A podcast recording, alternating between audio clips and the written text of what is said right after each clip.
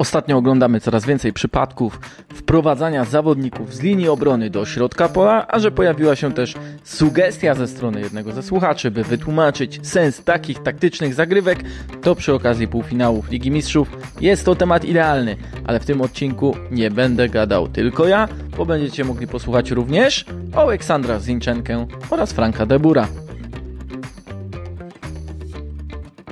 To podcast zachodny do tablicy, który znajdziesz na platformach Spotify, Apple, Google i Podbean. Zachęcam do subskrypcji, zostawiania polubień oraz podawania moich odcinków dalej. Dawno mnie tu nie było, ale już odpowiadam na najważniejsze pytanie. Dlaczego właśnie ten duet Zinchenko i Debur? Ano dlatego, że już w sobotę 13 maja na platformie Viaplay pojawi się reportaż pod tytułem Guardiolizacja Premier League. To właśnie zajmowało mi w ostatnich tygodniach więcej czasu niż sobie planowałem, ale myślę, że warto będzie nasz materiał obejrzeć. Opowiada on o tym, jak w okresie pracy w Manchesterze City zmienił się sam Hiszpan, jak wpływał on na swoich piłkarzy i co oni co oni o nim sądzą, jakimi metodami ich urzekał. Nie zabrakło jednak również opisania tej ewolucji Guardioli oraz samej Premier League i to oczami ekspertów oraz trenerów. Już teraz zachęcam Was do zajrzenia na Viaplay i odnalezienia guardiolizacji Premier League, bo poza wywiadami z kilkunastoma osobami jest to wszystko kapitalnie opakowane przez Christiana Kia, który wydatnie przyczynił się do stworzenia tego reportażu. Wracam już do tematu głównego. Wprowadzenie obrońców w środek pola to przecież efekt też guardiolizacji. Nie tylko Premier League, ale wpływy Hiszpana e, rozlały się przecież na cały piłkarski świat. Warto na to wskazać, że jego podejście do gry pozycyjnej zrewolucjonizowało nasze, myślę, kibiców, piłkarzy, innych trenerów, całego środowiska, myślenie o tym, jakie są możliwości na boisku, jakie rolę można odegrać na poszczególnych pozycjach, czym w ogóle jest system gry danej drużyny. Oczywiście, że wpływy choćby Johanna Cruyffa są znaczące, ale to rozwinięcie przez Hiszpana tego w dobie zaawansowanego zainteresowania taktyką, albo może nie zaawansowanego, ale rosnącego zainteresowania taktyką i wobec innej metodologii treningowej, wobec rosnącego poziomu technicznego oraz fizycznego e, samych zawodników, to wszystko otworzyło futbolowi nowe furtki i sprawiło, że dziś możemy dyskutować o tym, co Guardiola robi z Johnem Stonesem w City, jak inne rozwiązanie wybiera jego uczeń Mikel Arteta z Zinchenką w Arsenalu i dlaczego Jurgen Klopp idzie w tym samym kierunku z Trentem Aleksandrem Arnoldem. Albo przynajmniej wydaje się, że w tym samym kierunku. Skupię się na tych trzech przypadkach, bo uważam, że każdy jest istotny, i przede wszystkim każdy jest inny, bo przecież każda z tych drużyn wymaga czegoś innego. Profile Stonesa, Zinchenki, Aleksandra Arnolda są różne, podobnie jak ich boiskowe otoczenie. Jednak trzeba znaleźć powody, dla których w tę konkretną strefę wprowadza się w grze przy posiadaniu piłki tych konkretnych obrońców. Zacznijmy od kwestii defensywnej, bo tak naprawdę to jest punkt wyjścia. Podkreśla to każdy z trzech wymienionych menedżerów, że dodatkowy zawodnik w środkowej strefie jest lepszym zabezpieczeniem przed kontrami. Oczywiście, że wówczas linia defensywna jest węższa, bo przecież brakuje w niej jednego zawodnika, ale tym zespołom, jeśli rywalowi już uda się uwolnić spod pressingu czy kontrpressingu, to bardziej zależy na zepchnięcie przeciwnika w boczne strefy. Tam można go przytrzymać, tam można go opóźnić, wrócić do ustawienia. Zupełnie inne jest zagrożenie, gdy rywal może swobodnie atakować środkiem pola, gdy tam ma przewagę, tam wygrywa drugą piłkę, może stamtąd posłać prostopadłe podanie. Dodatkowy obrońca z odpowiednią intuicją, fizycznością i też nastawieniem w tym zdecydowanie pomaga, bo też to dosyć jasne i oczywiste, że grając na obronie naturalnie szybciej przełączasz się na tryb bronienia niż gdy jesteś pomocnikiem czy atakującym. Patrzę na efekty gry Manchesteru City w Lidze Mistrzów dzięki radarom stworzonym przez Statsbomb jeszcze przed pierwszym meczem z Realem Madryt. E, na pewno udostępnię je na swoich profilach na Twitterze i Facebooku, byście też mogli spojrzeć. Te radary ujawniają istotę tej kwestii defensywnej. City ma najwyższy dystans ustawionej linii obrony w rozgrywkach europejskich w tym sezonie, ale dzięki temu, jak zabezpiecza środek pola, dopuszcza rywali do najmniejszej liczby strzałów po kontrach. A przecież, jak sobie przypomnimy wcześniejsze kombinacje Guardioli, które kosztowały go odpadnięcie czy też przegranie Ligi Mistrzów, to właśnie odsłanianie tej strefy środkowej było największym jego błędem. Pamiętacie, 4-2-4 z rewanżu, e, gdy prowadził Bayern przeciwko Realowi i już Monachium, gdy miał odrabiać jednobramkową stratę i zdecydował się na system ultraofensywny, który sam Pep nazwał największym nieporozumieniem z jego kariery szkoleniowej. Skończyło się porażką 0 do 4, tam były gole ze stałych fragmentów gry i z kontr. Przegrany też ostatni finał, do którego doszło City Guardioli z Chelsea, był efektem jego zmiany, czyli odsunięcia od gry Rodriego i wystawienia w roli defensywnego pomocnika, czyli w roli pivota, tylko Ilkaja Gendogana. E, I oczywiście miał swoje argumenty Hiszpan. Mówił, że to Gindogan w poprzednim sezonie spisywał się w tej roli świetnie, że Rodri i Fernandinho nie byli w najlepszej dyspozycji, ale jak sobie przypomnimy trafienie dla Chelsea w tym spotkaniu i generalnie to, jak funkcjonowało City, to brak było tej równowagi i tego też zabezpieczenia w postaci bardziej hmm, intuicyjnie broniącego defensywnego pomocnika, czy też po prostu defensywnego zawodnika. Wciąż największa aktywność Manchesteru City w obronie to wszystko to, co robią zawodnicy ofensywni, reagując po stracie piłki, doskakując do wysokiego pressingu. Także dlatego w meczu z Realem John Stones, uwaga, miał najmniej z obrońców pojedynków, bo tylko cztery, za to najwięcej w drużynie przechwytów. Taka była jego rola. Odpowiednio się ustawiać, blokować rozegranie Realu do przodu albo te zagrania przechwytywać, które już docierały w pole karne City. Co więcej, jego obecność w środkowej strefie pozwalała, by Rodri asekurował w defensywie boki. Dlatego, gdy spojrzy się na działania pierwszego z nich, to są one w środkowej osi boiska, a drugiego znacznie bliżej linii bocznych, czy to z lewej, czy z prawej strony. Takie przesuwanie zawodników z obrony do pomocy nie zawsze jednak wychodzi w kwestii defensywnej, ponieważ wpływa również na pozostałych, co dosyć oczywiste. Spójrzmy, w Arsenalu to zwykle Gabriel Magalhaes musi asekurować Zinchenkę schodzącego do środka. I bywały sytuacje w tym sezonie, gdy Brazylijczyk mylił się przy długich podaniach, miał na pewno większy problem niż gdyby musiał asekurować po prostu swoją strefę, tą naturalną, wynikającą z tego wejściowego ustawienia 4-3-3.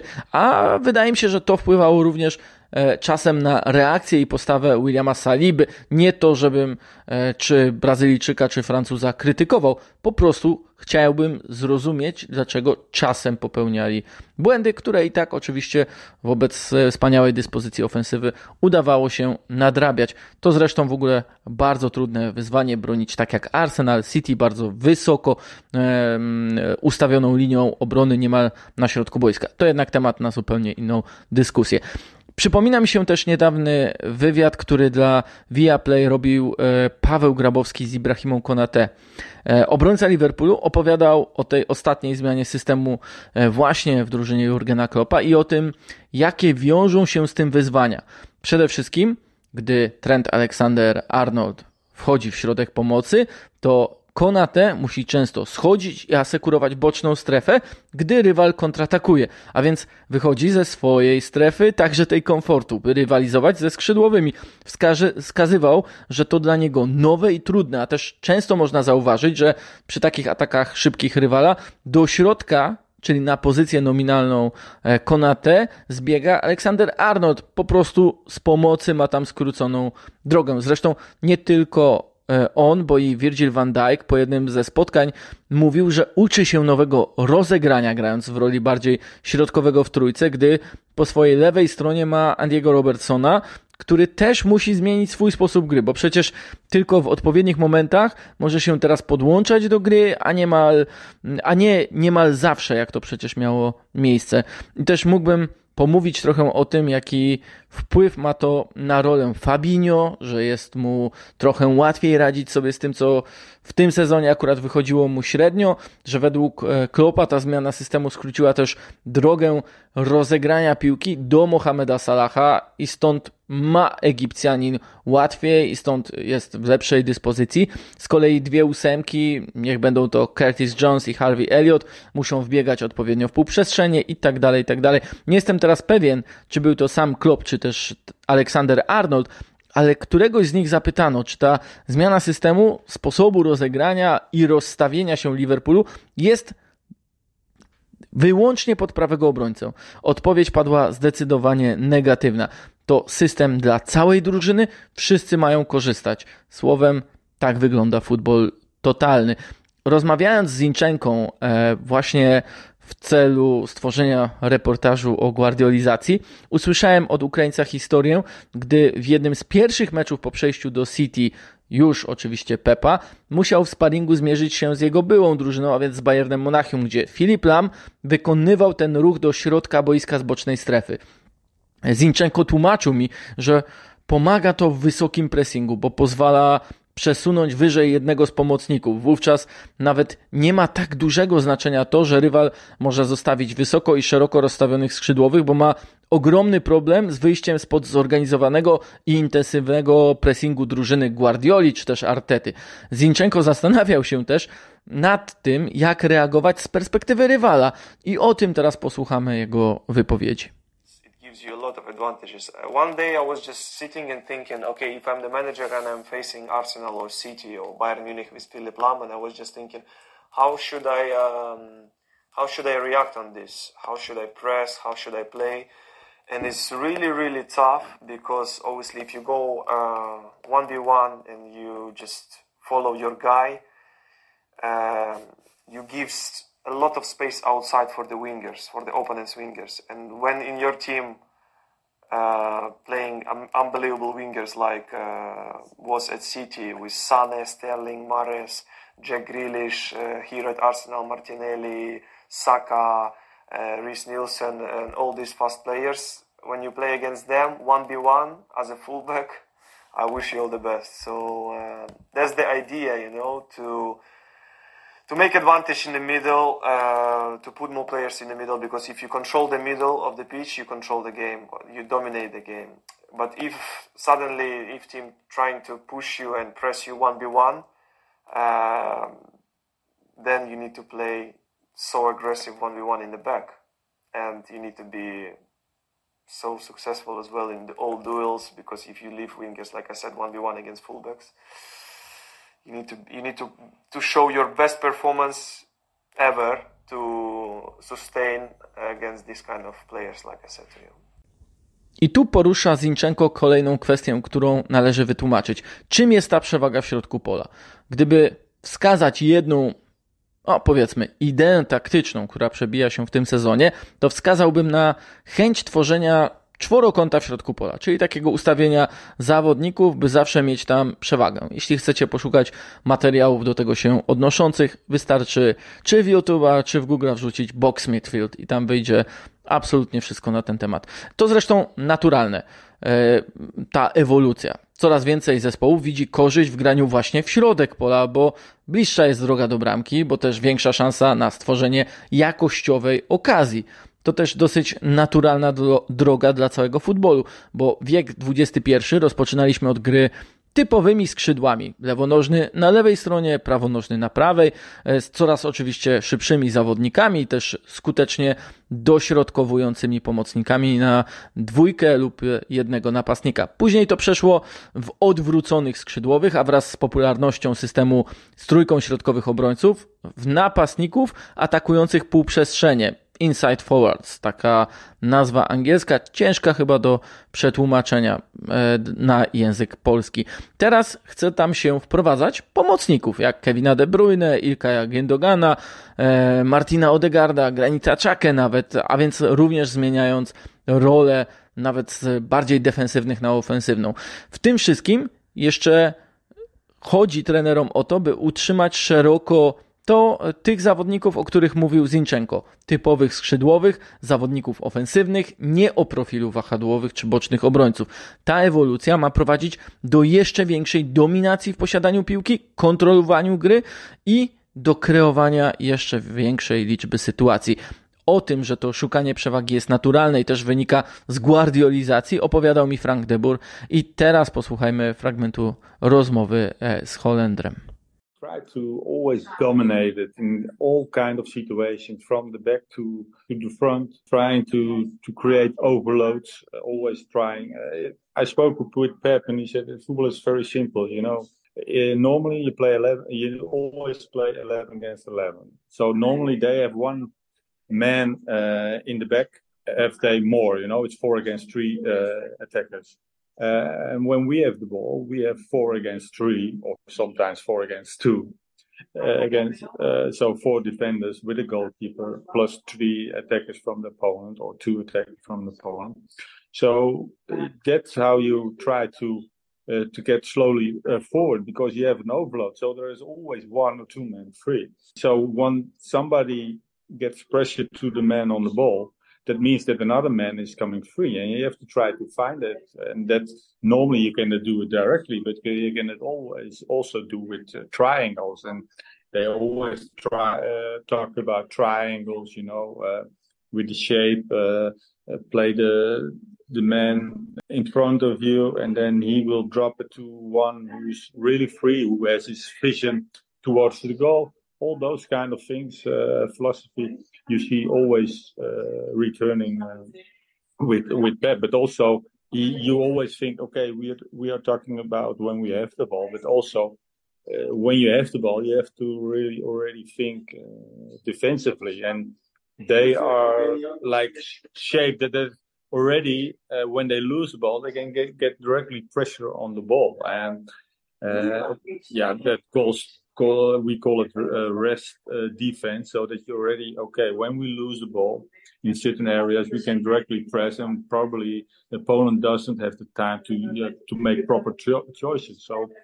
Uh, all those kind of things, uh, yeah, is the philosophy of, of Johan Cruyff, but also the philosophy of uh, Guardiola. So dominating, yeah, creating more chances than the opponent, dominating in when we have the ball, but also dominating when we don't have the ball. So uh, when the opponent has the ball, we still want them to to push them in a, in a, in a way that we want them to go, and not how they want us uh, to go. And uh, yeah, that's that's always the game, you know. It's a for a coach, but yeah, that's the philosophy uh, what he wants.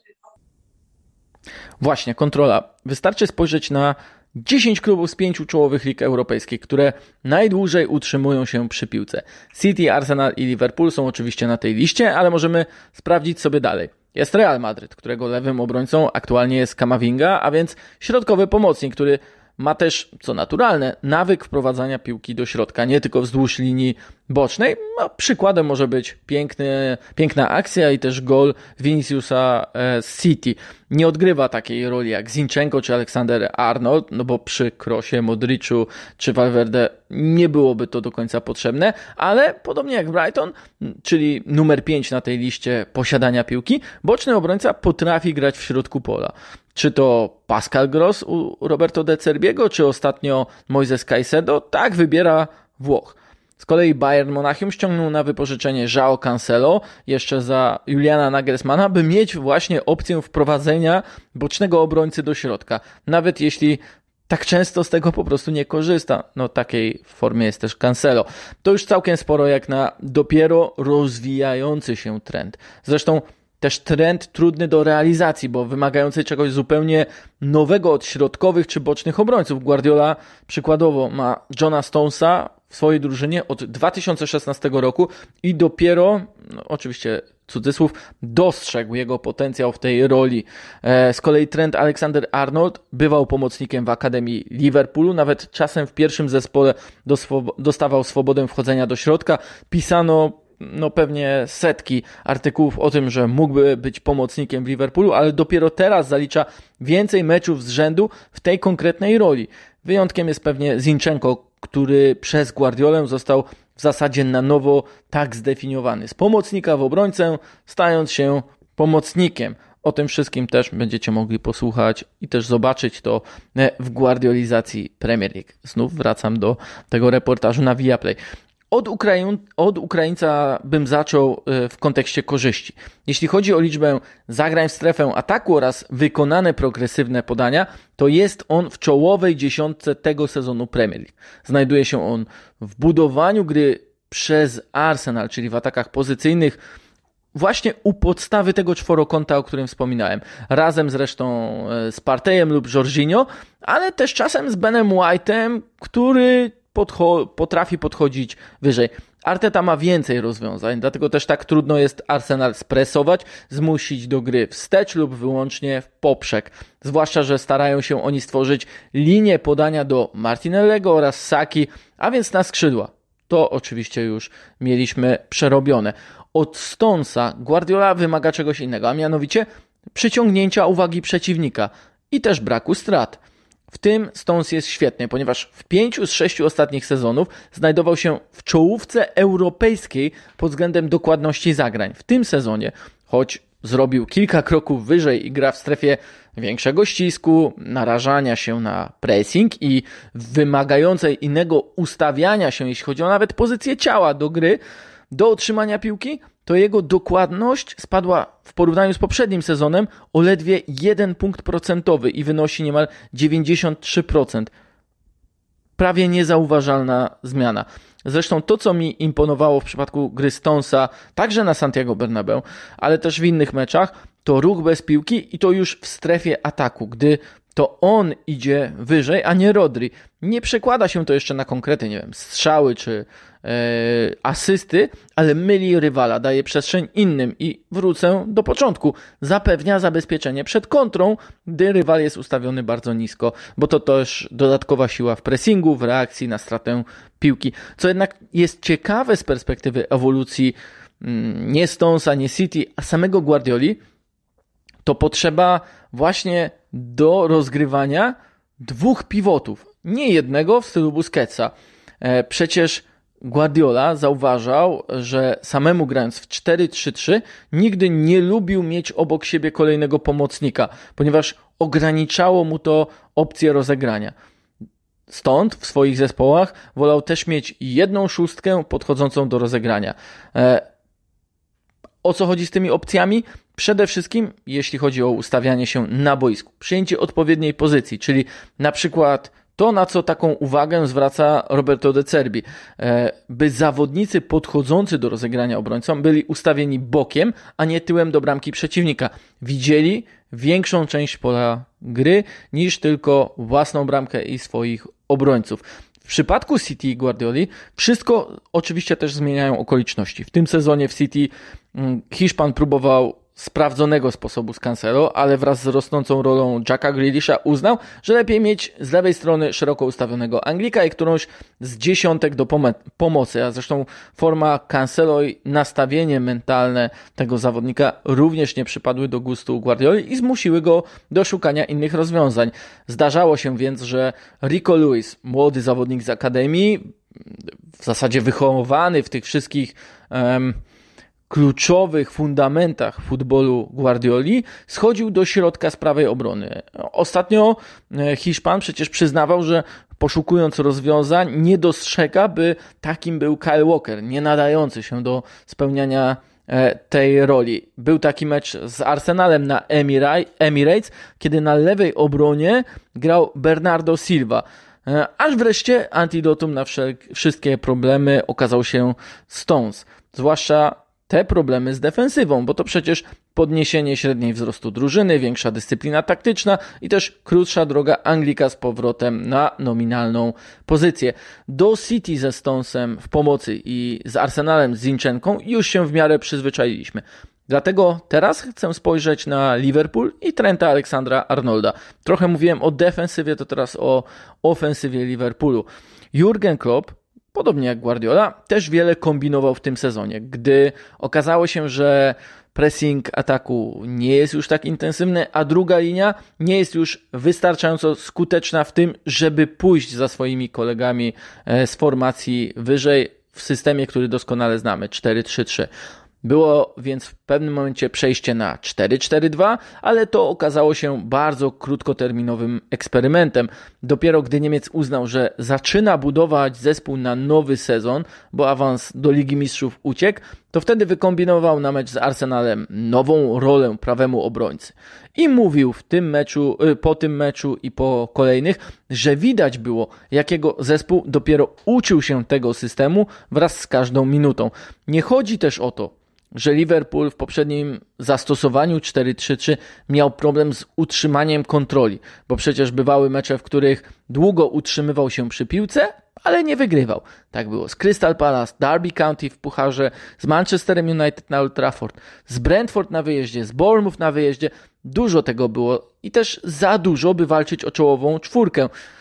Z czasem ten e, system i te wszystkie zachowania, które wydawały się dla Liverpoolu naturalne, przy obniżce formy stały się po prostu przewidywalne i łatwe do wyblokowania dla rywali. Natomiast interesujące w tym okresie ostatnich siedmiu meczów jest to, że stopniowo posiadanie piłki Liverpoolu spada. Z Leeds United, e, Forest i West Hamem było powyżej 70%, z Tottenhamem nieznacznie mniej, wreszcie z Fulham i Brentford pomimo gry u siebie, już w okolicach 55%. I można też było odnieść wrażenie, że te dwa ostatnie mecze są zbyt szalone, jak na to, co ma dawać ten system z Trentem Aleksandrem Arnoldem w środku.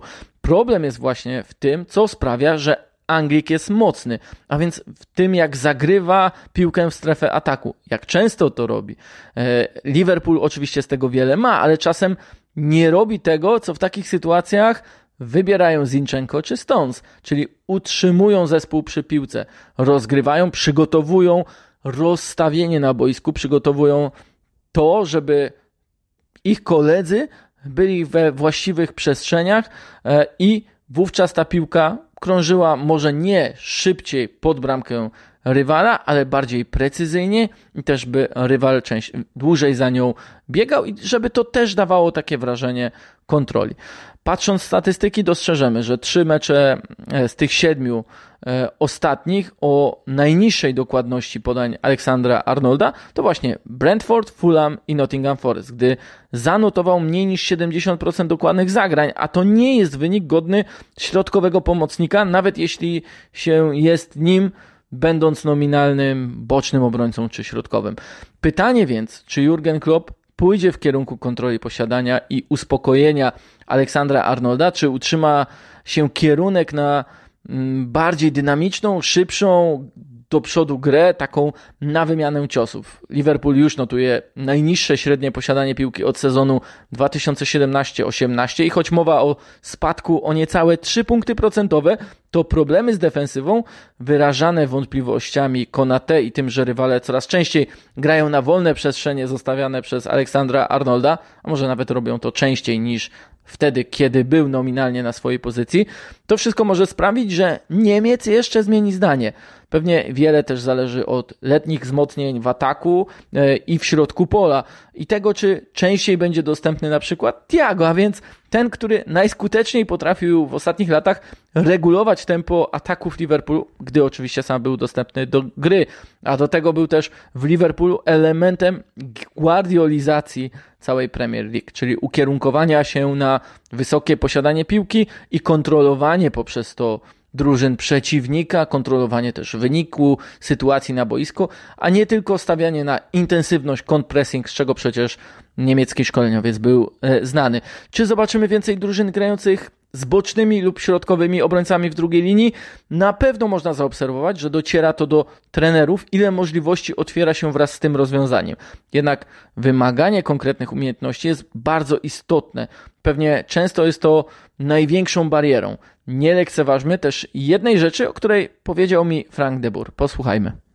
You know, the, the, we don't have to underestimate um, the the way Pep plays is the most difficult thing and the most dangerous thing, you know, because it's defending is very is is not very easy, but it's much more easy than attacking, and uh, that's not suddenly you okay. I see what Pep's doing. I'm doing the same, you know. Uh, you have to have the players who have those basic uh, things, you know. And uh, he understands that as the best, and he knows exactly okay this kind type of players I have to have in my my squad. And for other coaches, you know, it's also a process, and process takes time. And in the Premier League, you don't have time normally. Eh? The only uh, manager who get the time was uh, Miguel Arteta.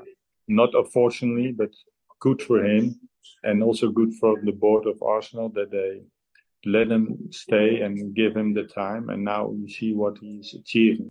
A więc trzeba właściwych zawodników, poznania ich, czasu na wdrożenie w konkretny sposób gry i zaufania, ale nie tylko od trenera. Zaufania, że to po prostu wypali. Mam nadzieję, że po tym odcinku już kwestia rozterek co do gry w takim systemie staje się jasna, a mi nie zostaje nic innego jak zaprosić Was do subskrypcji moich kanałów oraz oglądania już od soboty 13 maja guardiolizacji Premier League na platformie Viaplay. Mam nadzieję, że słyszymy się i widzimy bardzo szybko. Cześć, dzięki.